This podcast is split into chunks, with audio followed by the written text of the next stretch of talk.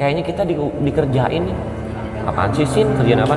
Kayaknya kita dikerjain sama penunggu sini. Langsung yang belakang makin dempet yang pegangan makin dempet. Lu lihat ya bang ya. Ini pohon nih.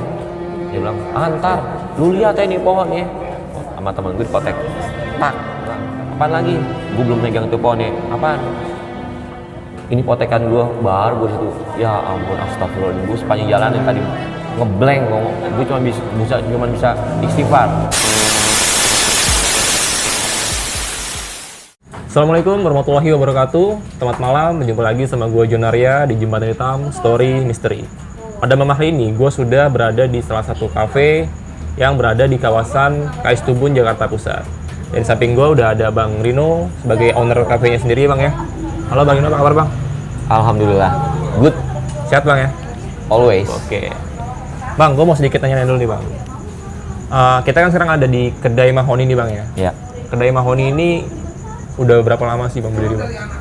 kedai Mohoni September ini setahun Setahun ya? setahun jadi ini kedai project stress sebenarnya Proyek sukses Bang ya? pandemi Oh gitu. Iya, jadi- Larian jadi ya. ketika lockdown pandemi di mana-mana usaha di Denpasar hancur ya hancur dalam arti karena lockdown jadi gue berusaha keras gimana caranya bertahan dulu jadi ini kedai berdiri karena pro, apa project stres aja ya jadi bisa ngumpulin teman-teman semua teman-teman pendaki teman-teman komunitas yang lainnya datang ke sini untuk sharing lah Oke, keren banget tempatnya. Tempatnya keren banget dan makanan juga menunya lengkap, enak dan Iya. harganya juga oke lah pokoknya terjangkau lah. wajib mampir lah Mampir bang ya. lewat Sleepy mah Bang, eh, lu juga punya project YouTube yang gue tahu bang. Ada, Instagram. ada, ada. Ada bang.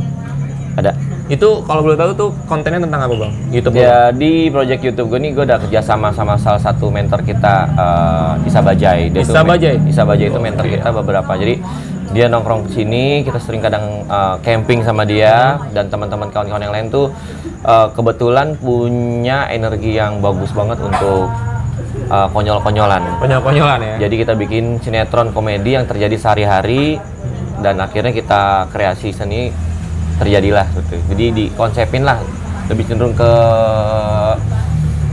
apa sih ya? Lucu-lucuan lah. Lucu-lucuan ya. Iya. Nah di Instagram juga tuh gue ngeliat bukan cuman Bang Isa Bajai doang bang, ada kayak Baju Ita Bahar ya. Iya. Jadi Juwita Bar juga ada gabung ke kita. Ya kebetulan eh, pas dia ada waktu dia ngasih tahu ke saya eh, waktu-waktu kosong. Jadi nanti skrip-skrip dia itu bakal eh, disesuaikan dengan waktunya Juwita. Oke. Bang nanti kalau misalnya teman-teman pengen nonton di konten lu nama YouTube-nya apa bang? Nama eh, YouTube-nya adalah Keluarga Mohoni. Keluarga nih. Iya. Nanti linknya gue kasih di deskripsi. Cek ya. Oke. Bang, lu mendaki udah lama gak ya? Gue pertama ngedaki itu tahun 95 waktu itu. 95. SMP. Berhenti 2001 mulai mendaki gunung-gunung kecil, gede, Pangrango. Setelah pacaran udah mulai jadi anak band. Oke. Anak band dan ngepang habis. Selesai nikah, gue suka eh, nyuri-nyuri dari bini gue nggak mengizinkan itu. Nggak mengizinkan sama sekali karena dia tahu kalau mendaki itu bawa-bawa tas gede kayak gitu naik gunung dia khawatir mungkin ya karena sayang.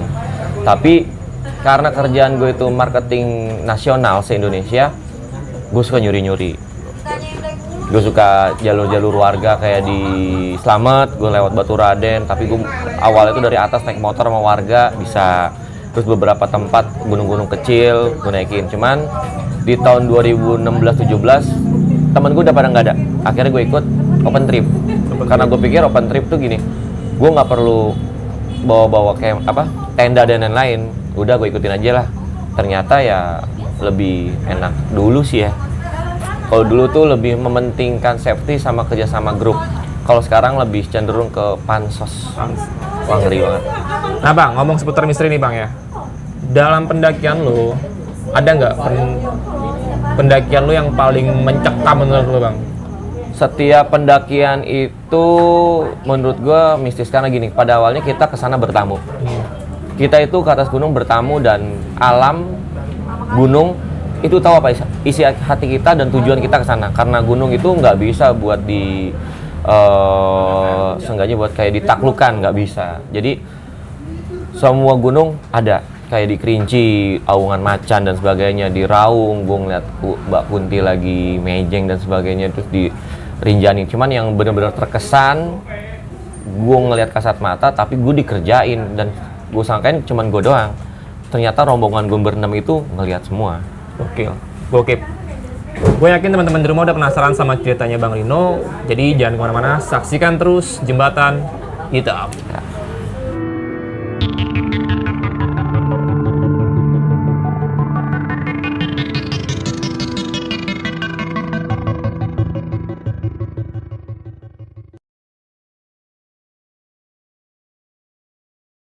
Oke, Assalamualaikum warahmatullahi wabarakatuh. Gue Rino, gue pengen menceritakan pengalaman gue yang sangat berkesan. Yang pertama, kesan summit itu udah semua orang udah tahu Gunung Semeru seperti apaan. Yang kedua, kesan horor. Jadi, gue itu jalan ke Semeru itu dimulai dari Ranupani. Gue lewat situ. Perjalanan ke Ranukumbolo itu gue dari mulai jalan itu jam 5 sore itu gue udah rombongan terakhir yang jalan ke atas karena sebelum menuju ke lokasi pemberian eh, kemah terakhir di Ranukumbolo akan ada briefing dulu dari server sana. Jadi akan dibriefingin apa aja adab dan sebagainya harus kita lakuin. Jadi karena di Semeru itu kan Ranukumbolo itu tempat yang sangat sakral. Jadi nggak boleh kita ngambil air minum atau nyuci sembarangan. Jadi ada tata keramanya.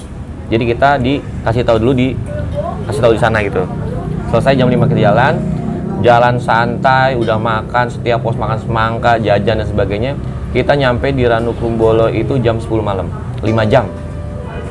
Dari Ranukumbolo langsung ke Kalimati. Nah di Kalimati itu nggak ada masalah. Yang jadi masalah adalah ketika pas pulang. Pas pulang itu gue ketemu rombongan lain beda rombongan. Gue ketemu sama dia itu di Ranukumbolo ketika mau pulang. Jadi pas lagi ngopi-ngopi nih udah selepas asar dia ngomong bang lu bareng sama gua aja jagain dua cewek. Gue tahu ini orang ngomong seperti ini pasti terjadi sesuatu di Kalimati.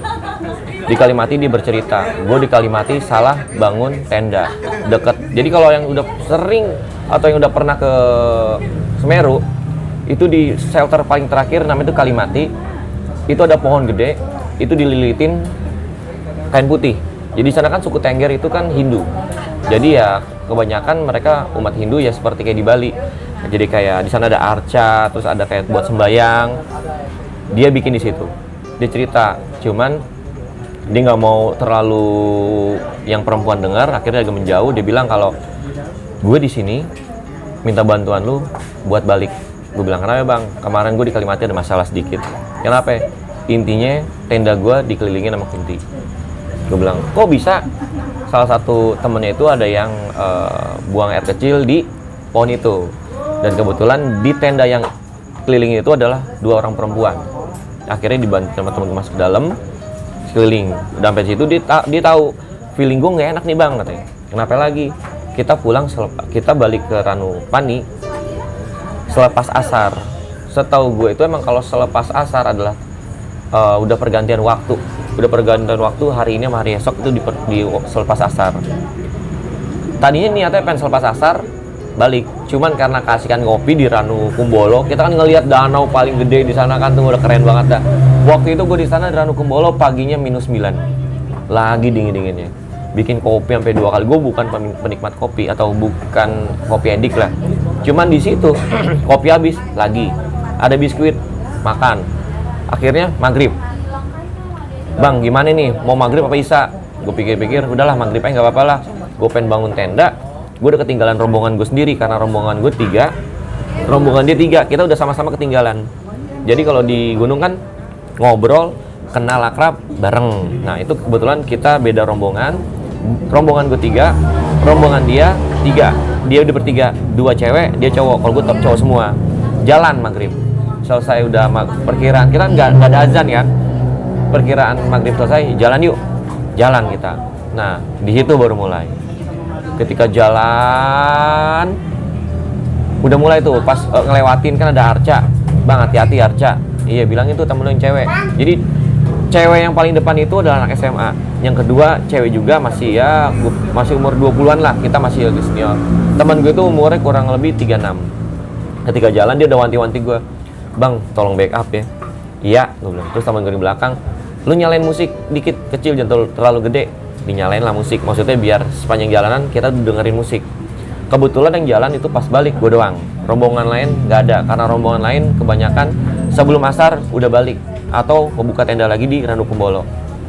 Pas ketika di situ sebelum jalan gue flashback dulu nih. Sebelum gue jalan ke Ranu Kumbolo waktu berangkat gue dikasih tahu sama ranger sana atau sama guide bang kalau lewat situ permisi permisi. Ya gue pikir ya udahlah mungkin gue kan di sini tamu permisi. Pas arah balik temen gue itu kan orang Jawa Timur gue nanya bang ini namanya Watu Rejeng Watu Rejeng ini apaan sih bang? Gue center center udah bang ntar aja gue ceritain di bawah. Ternyata di sana pamali untuk ngomong seperti itu di tempat. Kalau mau ngomong di base camp bawah selepas gerbang udah boleh ngomong sana. Gue center center center center bang jangan iseng bang ya udah deh emang salah gue sih gue penasaran gue center center selang 10 menit deng di situ mulai. Orang jalan dua cowok di depan satu cewek satu cowok. Kita udah tadinya jaraknya masing-masing tiga langkah rapat barisan Drrrrt. nah kita ketemuan nih nek sama-sama nengok semua. Nengok semua gue bisik ke depan. Lu ngelihat nggak tuh ngelihat dong. Nengok yuk. Soalnya yang gue bikin aneh kok semua pakaian putih gue colek-colekan belakang lihat belakang yaudah tanpa kita sadarin kita nengok semua ke belakang lututnya nggak ada. Tadinya kita jarak dua langkah jadi pegang-pegangan keril semua pegang-pegangan keril musik agak dikecilin. Di situ kita kejanggalan nih karena semuanya nengok lutut nggak ada. Merinding semua. Ini gimana nih?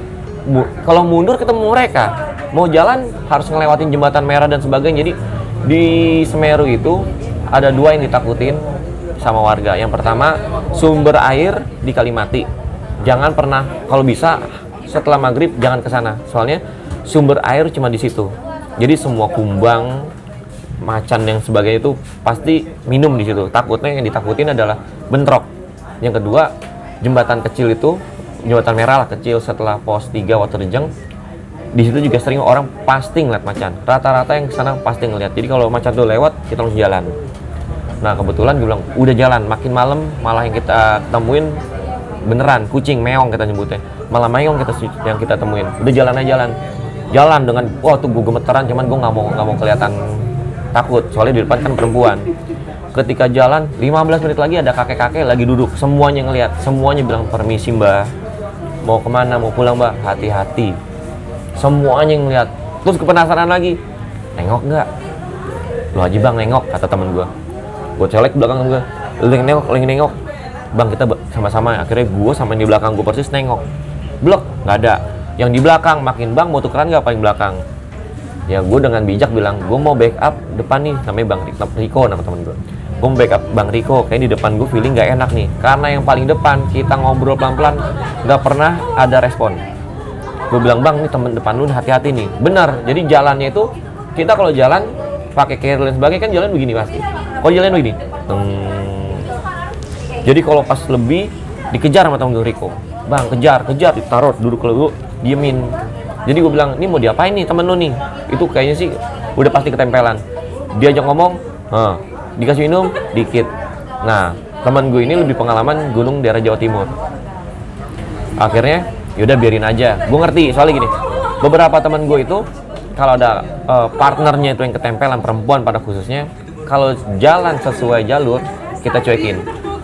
Kalau kita benerin atau kita bukan arti benerin ya kalau kita sadarin otomatis kalau orang yang habis ketempelan kalau disadarin bakal lemes. Kalau dia udah lemes siapa yang mau gotong? Jadi kebanyakan udah jalanin aja udah jalanin yang penting pegangin carrielnya jadi semua pegang-pegangan carriel kita beranggapan lu jatuh gue jatuh lu kambil gue ambil. Untungnya waktu berenang itu solid semua pegangan semua. Udah kambil pas di jalan cepet tarik minum bentar. Maksudnya kita pengen dia tuh nggak eh, dehidrasi. Jalan udah pakai ini sarung tangan lagi. Udah jalan kita kan merhatiin takutnya dia ini kenapa-napa kan di jalan. Yang di dua yang yang cewek yang kedua namanya Cindy. Dia bilang bang lu denger nggak? Gue dengar. Si Riko bilang apaan dek lu dengar gak bang sebelah sebelah kanan gue tuh kan ratu watu rejeng itu loh watu batu tebing. Tebing tinggi jatuh susah nyari dat. Dia bilang lu denger gak suara gamelan? Lu pengen dangdutan kali sin. Padahal emang bener gue juga dengar di situ ada ada yang main gamelan. Belakang gue gue colek lu denger gak sob? Dengar matiin deh soalnya ada beberapa gunung yang nggak ada yang larang untuk pakai JBL dan sebagainya. Temen gue kira matiin yang tadinya kencang pelan jadi matiin. Yang gue takutin adalah ada kesalahan gue yang di sini nih. Entah gue atau temen gue yang gue nyadarin itu kesalahan berawal gue nyenter-nyenter itu prasasti kecil. Ketika jalan. Bang nih gimana? Gue udah jalan lagi. Di pas pos kedua kita diam lagi. Setelah pos kedua baru semu tadinya cuma si Cindy doang yang kedua yang, yang nyium. Yang kalau yang pertama udah nggak bisa diajak ngomong. Sama sekali. Kadang-kadang gue bingung ini mau disadarin apa enggak? Gue ngomong sama temen gue bang ini mau disadarin enggak jangan bang. Kalau disadarin siapa yang mau ngangkat? Kita semua udah. Semuanya gini. Kaki gue yang tadinya sakit nggak sakit sampai sakit dua-duanya sampai sekelan. Gue jalan terus. Gue bilang sama dia mau disadarin nggak? Nah temen gue bilang lu kalau menyadarin lu mau ngangkat. Orangnya lumayan gemuk. Orang Jawa Tengah juga. Kalau disadarin lu mau lu gendong nggak? Gue tanya yang mau gendong nggak? Nggak ada bang. Gue udah berat banget nih bang. Jadi perjalanan yang harusnya cuma 3-4 jam gue tempuh tuh dari jam setengah 6 sampai jam 2 bau mulai menyengat. Gue pikir wah ini kayak bau dupa nih. Bilang bau dupa ya tapi kok amis? Gue bilang wah dalam hati gue kusut nih kalau begini caranya nih di pos 2 diem dulu terus ada tenda. Gue bingung nih siapa yang tenda nih? Gue bilang cuy kita buka siapa tahu eh, dia ada konsum apa ada makanan lah gitu kan. Nggak ada yang berani karena gue gue pikir janggal banget nih kok ada tenda di sini nih? Gue pikir udah nggak usah diganggu kita masing-masing aja kita berdiri di kaki kita sendiri. Kita jalan lagi. Sepanjang jalanan itu bau amis. Wah parah. Itu merinding semua. Udah pada pegang-pegangan tas. Udah sepanjang jalanan musik makin deket. Sampai gue bilang break dulu kita. Ketika break gue bilang lu agama kan pada muslim nih. Lu apal deh yang lu, yang lu apalin. Kita di sini bergantung sama kita sendiri nih. Jangan sampai ada kejadian yang enggak enggak di depan kita udah kena satu nih. Di depan gue tuh diem diem. Sediem diemnya ada apaan? Udah makanan. Jadi makanan khusus buat dia. Entah itu biskuit susu biskuit. Nggak mau mangap. Kita makan makanin minum. Minumin lagi. Minumin lagi. Jadi gue nggak mau tuh dia masuk angin tiba-tiba ada terjadi yang nggak kita inginkan lah gitu. Pengennya perut nih pokoknya harus nggak kosong. Berdiri lagi tiba-tiba lari lari jauh banget. Itu bayangin perempuan bawa keril lari. Riko lepas. Bang lepas bang. Lu yang kejar. Iya kejar. Riko ngejar. Gue ngejar juga. Untungnya dapet. Pas gue mau balik alhamdulillah. Temen tim gue yang di sana mereka jalan tipis-tipis. Bawain keril. Jadi nggak perlu gue balik lagi. Mereka tahu diri. Ini jalur cuma satu. Kalau kita jalan tipis-tipis bakal ketemu. Asalkan ketemu satu jalur. Mereka jalan pelan-pelan akhirnya lihat lagi kita ikat yang di depan. Jalannya wah parah banget serem. Itu sepanjang jalanan itu di sebelah kanan bunyi makin kencang gue pikir udah tolong dong lu pada eh, dalam hati baca-baca deh. Gue baca gue baca-baca. Temen gue yang paling belakang zup gue bilang kenapa lagi? Putih-putih bang. Nggak ngeliat kan? Udah nggak pakai cahaya. Dalam hati gue oh iya bang. Dalam hati gue cahaya apaan? Orang nggak ada. Gue bilang aja cahaya ada orang nyenter-nyenter temen gue yang, yang di belakang gue pada bilang kita track-track aja yuk kita track-track bikin masalah lagi. Gue bilang udah deh lu nggak usah panik lu ikutin gue aja. Gue bukannya capek gue takut. Padahal dalam hati gue gue mau lari duluan sendirian. Cuma karena gue di tengah pada minta gantian gue nggak mau. Enak ah gue paling belakang. Nanti kalau apa-apa gue yang hilang. Pas jalan udah selesai di, ketemu pos 1 dari pos 1 itu harusnya ke pos bayangan cuman sebentar. Itu gue harusnya dari pos 1 bisa dua jam lah. Itu gue sampai berapa jam ya lamanya minta ampun. Parah banget. Jadi gue tuh sampai dari pos 1 ke pos bayangan yang cuman sebelok begini doang itu kayak diputer-puter. Yang paling depan ngomong gini gue udah tahu nih pohon yang gini lagi nih. Udah gue pikir kalau gue ngucap bikin panik nih. Ada perempuan soalnya. Kalau perempuan itu kan kalau udah panik wah bikin kita stres. Dia ngomong bang kayaknya kita di, dikerjain nih.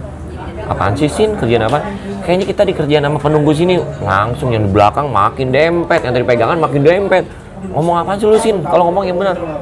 Lu lihat ya bang ya. Ini pohon nih. Dia bilang antar lu lihat ya ini pohon ya. Oh, sama temen gue dipotek. Tak. Nah, salah. Sejam. Kurang lebih sejam lah. Pohon yang tadi gue bilang enggak ini pohon semua sama. Teman gue di belakangnya untuk bang apaan lagi? Gue belum megang itu pohonnya. Apaan ini potekan gue baru gue situ. Ya ampun astagfirullahaladzim. Gue sepanjang jalan yang tadi ngeblank gue cuma bisa bisa cuma bisa istighfar. Kalau yang lain gue nggak tahu gue cuma bilang astagfirullahaladzim astagfirullahaladzim. Jadi bener teman gue paling belakang tuh nggak nyenggol ini dahan. Tapi dia ngomong sama gue bang apa lagi? Gue belum megang ini pohon ya. Tapi ini pohon yang tadi.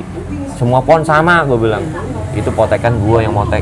Dia yang motek jadi ini sengaja dia nggak ngikat nggak apa, jadi pas jalan dia motekin tak udah jalan kurang lebih sejam ke situ lagi. Udah fix gue lagi kerjain tuh. Emang bener semuanya tuh ngerasa lu gimana ya Hawa? Nggak begitu panas nggak begitu panas nggak begitu dingin. Kalau di kalau di Semeru itu kan terkenal banget dingin banget. Apalagi pas gue yang tahun lalu itu sekitar di bulan Agustus itu lagi musim pendakian lagi dingin dinginnya paginya minus 9 nggak dingin. Nggak tahu karena panik apa nggak tahu gue lagi masuk dunia lain jadi sepanjang jalanan tuh yang paling depan sama yang kedua itu udah panik panik paniknya gue bilang sini lu tengah aja. Nggak mau bang. Mau pegangin si namanya si Ijah Ijah panggilannya. Si Ijah bang. Ya udah pegangin terus. Si Ijah tuh jalannya udah kita tarik tarikan nama kelamaan tuh udah narik. Nah nggak pas mau ketemu pos bayangan di sana tuh ada paralon yang ke rumah warga. Nah di situ gue mulai seneng paralon nih. Gue ketok ketok gue kasih tahu mereka semua gue ketok ini paralon tani udah pada udah udah udah deket. Lu inget nggak ini paralon buat keluarga. Sejauh mana sih ini paralon? Gue gituin. Oh iya bang. Gue pada udah kita break dulu. Break. Lampu udah tinggal satu. Headlamp. Headlamp gue udah tinggal satu. Itu cuma paling depan makanya belakang paling jadi kita cuma ngandelin headlamp depan sama bintang bulan di atas. Udah gue ketok ketok gue gue bikin maksudnya gue ketok ketok tuh biar semangat. Tuh lu lihat no sepanjang ini se- sejauh-jauhnya paralon sejauh mana sih udah ke rumah warga nih Ranupani di depan. Setengah jam lah gue bilang. Itu posisi udah jam 10-an nggak nyampe-nyampe. Nggak nyampe-nyampe dari pos 1 mau ke pos. Gila bang ini udah paralon sama teman gue ada yang iseng lagi nih. Break dulu yuk. Break. Dia ambil apa namanya eh, batu dikorek-korek lagi deh tuh. Itu paralon dia mungkin mau nandain. Ditandain X. X cuma satu sama satu I gue nggak jelas kok cuma X sama satu gitu kan. Jalan lagi. Nah yang di depan bang ini yang tadi deh. Enggak ah. Terus yang di belakang gue bilang berhenti berhenti. Ini kayak yang tadi nih. Duduk yuk. Duduk. Ngelihat bang gue belum megang apa-apaan. Lu lihat pas gue nengok lagi goretannya dia bang. Wah gue mati ya astagfirullahaladzim. Ini paralon udah deket masih aja gue dimain-mainin. Gue bilang dalam hati gue bilang apa yang gue lakuin tadi? Gue minta maaf yang tadi gue center center iya gue minta maaf. Tolong ini gue di depan nih uh, gue grup gue ini cuman kepengen pulang. Kalau sudah center kalau dibalasnya sama nyawa atau keselamatan gue berenam kayaknya lu bercanda dalam hati gue dalam hati gue gue nyebut dalam hati. Gue minta tolong. Maafin gue deh atas kesalahan gue yang tadi tapi kalau dibalas kayak gini kayaknya udah cukup deh. Nggak usah dibalas pakai nyawa atau dengan luka yang lain. Ini udah keterlaluan gue sampai ngomong begitu gue minta maaf kalau terlalu ini ini udah keterlaluan. Lu udah ngerjain gue seperti nama sama grup eh, rombongan gue wah parah ini sih. Gue minta maaf gitu sampai yang depan depan gue nih bang Riko. Bang mendingan kita berdua minta maaf deh kita nggak ngelakuin salah nih. Gue minta maaf gue minta maaf gue minta maaf. Yaudah kita break lagi jalan jalan. Setelah jalan sebelah kiri gue semua ngeliat. Gue bilang jangan lari jangan lari jangan lari. Bang macan lu kan? Macan nggak begini gue bilang. Jadi kayak kayak gimana ya? Gue kayak mau keluar apa sih ya? Suatu ruangan yang hampa. Itu ruangan kayak hampa banget tapi brrrr, kayak kayak kita tuh mau ngelawan ngelawan arus gitu. Brrrr. baca lagi baca astagfirullahaladzim. Yang tadi dalam hati semuanya astagfirullahaladzim astagfirullahaladzim. Ya alhamdulillah. Setelah kayak kayak kayak ada kayak minta cut cut gitu kan gue juga nggak ngerti tuh apaan tuh. Astagfirullahaladzim astagfirullahaladzim. Gue pengen bilang ke temen gue santai santai nggak usah begitu banget. Tapi gue sendiri udah ah kacau nih kacau nih kacau nih. Gue pikirin gimana nih gue pulang nih? Gue gue nggak udah gue udah nggak mikirin rombongan gue lagi yang gue pikirin. Wah orang rumah nih orang rumah nih orang rumah nih. Alhamdulillah setelah begitu kayak tem kayak kayak Dolby Gi- digital tem ketemu eh, pos bayangan. Di pos bayangan kita bersyukur dulu yuk di sini yuk duduk dulu kita eh, tadinya dalam hati dulu makasih sebelumnya buat semua saya gituin pokoknya tadi buat gue pelajaran gue nggak bakal ngelakuin lagi. Gue juga nggak ba gue bakal kasih tau teman-teman gue beberapa jangan lakuin itu kayak seperti yang kita lakukan lakuin. Jalan alhamdulillah langsung ketemu gerbang pas keluar begitu temen gue yang paling depan duduk. Langsung dibilang dek kata si Riko wah minum. Bang kok udah sampai sini? Ada nggak nyadar kata teman depan enggak Ija nggak nyadar gue bilang. Enggak tadi Ija cuma tahu lagi jalan di pinggiran Ranukumbolo mau ke pos 3 tiba-tiba kok ada di sini. Jadi secara nggak langsung pikiran dia itu cuma sampai rakum tiba-tiba udah nyampe ke gerbang pendakian. Nah di situ gue langsung ngobrol dan sebagainya ketemu gue jalan sebentar ke warga gue cerita. Ternyata di Raku, di Waterjeng itu udah nggak boleh nyenter-nyenter kayak gitu nggak boleh ngomong sembarangan. Wah itu itu gokil banget tuh.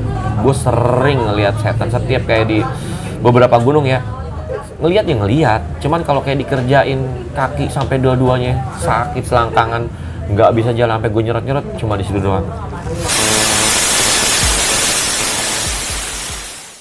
Oke teman-teman pelintas jembatan hitam udah dengar cerita langsung dari Bang Rino dan sekarang gue pengen tanya-tanya uh, mengenai cerita Bang Rino pada malam hari ini.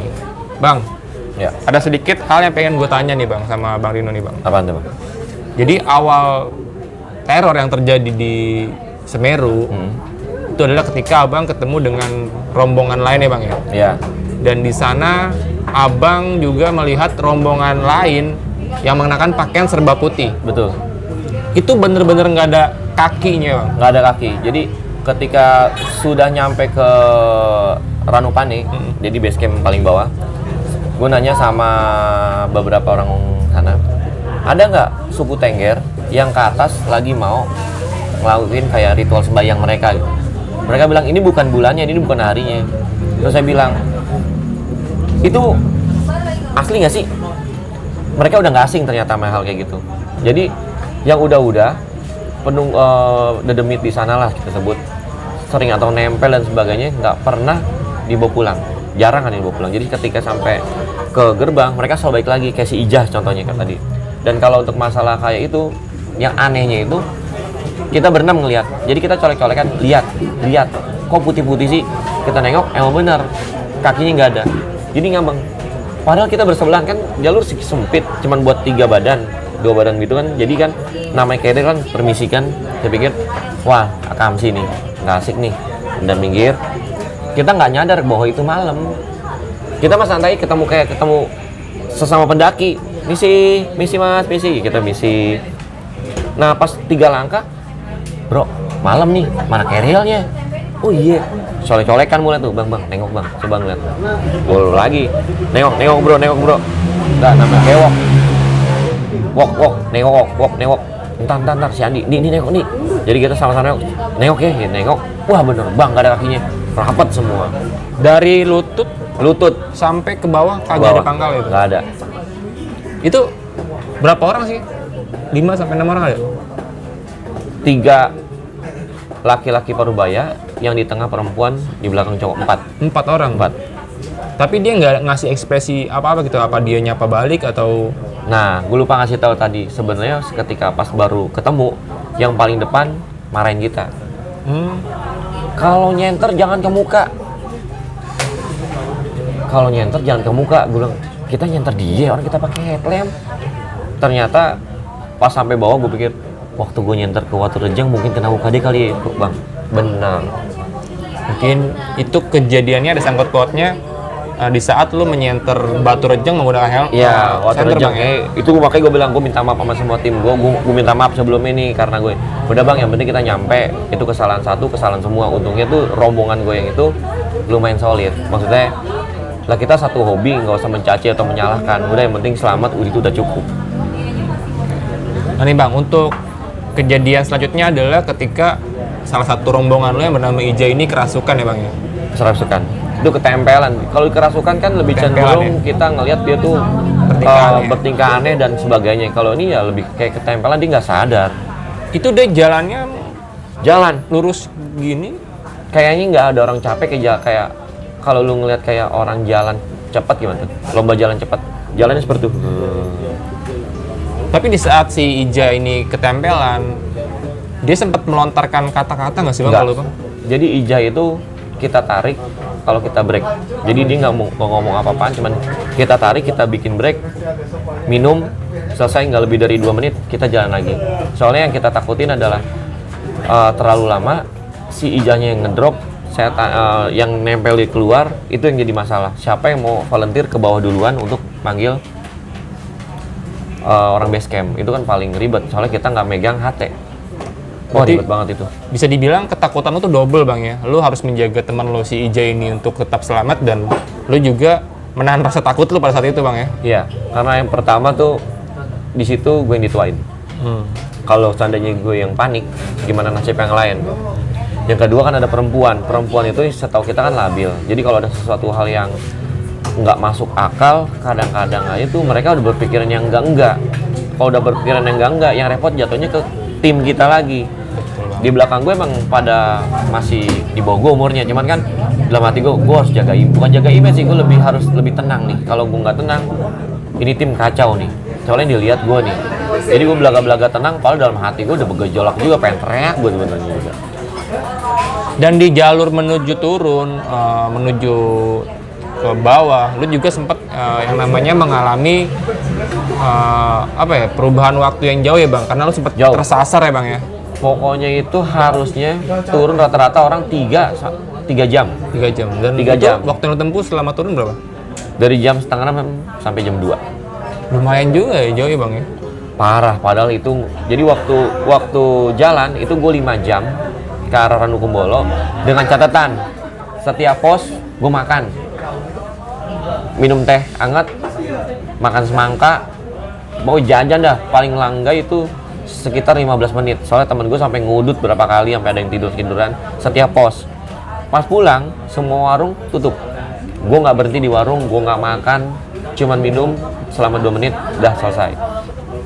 Dan akhirnya lu bisa melewati kejadian kesesat lu itu setelah lu minta maaf ya bang ya ya jadi atas kesalahan yang lu buat pada saat itu ya. Ya waktu pertama, gue yang pertama nih anak-anak nih semua tuh gue bilang suruh pada baca doa dalam hati. Yang kedua, karena keadaan udah gue pikir ini udah nggak ini udah nggak masuk akal, ini ini udah parah banget. Yang tadinya ngomong dalam hati ya, gue ucapin lah. Gue pikir ya udahlah, gue harus ngakuin kesalahan, gue harus berjiwa besar bilang, iya, gue salah. Rombongan gue salah, gue minta maaf. Tapi kalau begini caranya, kayaknya keterlaluan. Gue sadar gue salah, gue gak bakal ngelakuin. Ketika gue udah ngeluar dari eh, zona lain seperti itu aja gue langsung di pos bayangan. Gue harus berjiwa besar. Gue ngomong sama beberapa temen rombongan gue dan gue bilang mungkin masih ada yang di sekeliling. Gue nggak bakal ngelakuin hal itu lagi. Gue bakal nyampaikan ke beberapa pendaki-pendaki yang lain untuk nggak melakukan apa yang gue lakuin. Jadi seenggaknya ya kalau mereka ngerti ya oh nih mungkin nih orang udah sadar mungkin mau ngasih tau yang lain jangan ngelakuin kayak gitu karena gimana pun juga kita kan tamu mereka nggak usah dicari emang udah rumahnya Betul, betul. Dan alhamdulillahnya eh, semua yang lu alami ini eh, selesai ketika lu keluar dari dimensi yang bisa dibilang dimensi Benar, lain itu benar. dan teman lu yang bernama Eja ini sadar ketika dia keluar dari eh, gerbang pendakian keluar dari gerbang pendakian. Dan di situ dia baru sadar tuh bang ya. dia baru sadar ketika duduk kita biasalah gua lepas sepatu dulu itu engkel udah nggak berasa sama sekali semua. Kaki udah nggak berasa. Ija duduk kita kasih air minum baru dia bilang udah nyampe sini. Beberapa temen gue nyeletuk bercanda tau gitu gue yang ketempel. Nggak capek. Iya. tiba-tiba udah nyampe. Bener bener bener. jadi kayak tenaga ekstra kayak dapet tuh Berarti selalu ada hikmah juga sih di setiap Pasti. perjalanan yang kita lakukan pasti Bang. ya namanya orang kan ada hilaf gue juga nggak nggak nggak luput dari segala hilaf yang gue lakuin mungkin eh, pelajaran pelajaran kayak begitu harus di sharing juga ya soalnya yang kita takutin kejadian sama beberapa pendaki-pendaki yang akan datang ngerinya kayak gitu Oke, Om Rino, gue makasih banget lo udah ngasih kesempatan gue untuk mampir ke kedai lo yang luar biasa ini. Eh, pokoknya sekali lagi gue kasih tau buat teman-teman yang rumahnya deket-deket sekitaran kayak Stubun, Jakarta Pusat, Jakarta Barat, pokoknya di Jakarta yang pengen nongkrong di tempat yang enak, teman-teman bisa langsung langsung datang aja ke kedai Mahoni yang berada di daerah Kaistubo Jakarta Iya. Bang ya. Sleepy. Selipi. Dan jangan lupa saksikan juga uh, video-video lucunya Om Rino dan kawan-kawan dari keluarga Mahoni di Ya. YouTube channelnya ya Bang ya. Ya. Bang, Instagramnya ada kan? Ada Instagramnya kita uh, di kedai Mahoni dan keluarga Mahoni. Kedai Mahoni dan keluarga Mahoni. Nanti buat yang kepo-kepo nanti bakal gua kasih linknya di Datang. deskripsi. Cip, lu pada datang, kita bikin sketsa-sketsa pendek, kita udah sediain semua skrip. Oke. Buat teman-teman yang mau hangout bareng teman-teman, ajak semuanya ke sini biar kita santai-santai juga di sini. Yoi, wajib. Mantep Bang ya. Mantap. Oke, eh, Om kalau untuk operasional tokonya, ah, kedainya ini tuh dari jam berapa sampai jam berapa sih? Kita buka dari jam 11 siang. Jam 11 siang. Kalau tutup tergantung pengunjung atau beberapa orang yang datang. Tapi kebanyakannya setiap hari sih kita jam 3 sih. Jam 3 lah ya. Oke, dari jam 11 siang sampai jam 3. Tetap mematuhi protokol Protokol kesehatan. kesehatan. Kita sedia kok semuanya kayak sanitizer dan sebagainya. Kalau seandainya ada yang mau diperiksa antigen, kita ada banyak. Banyak di dalam. Mantap. Oke, eh, buat teman-teman pelintas jembatan hitam juga yang punya cerita-cerita seputar misteri pendakian atau urban legend lainnya yang pengen cerita kita bacain atau kita teman-teman bacain langsung di sini teman-teman bisa DM kita di Instagram kita di @jembatan underscore hitam dan akhir kata gue Jonaria Gue Rino, Gaban, jangan ke mana-mana saksikan terus jembatan hitam. Hitam.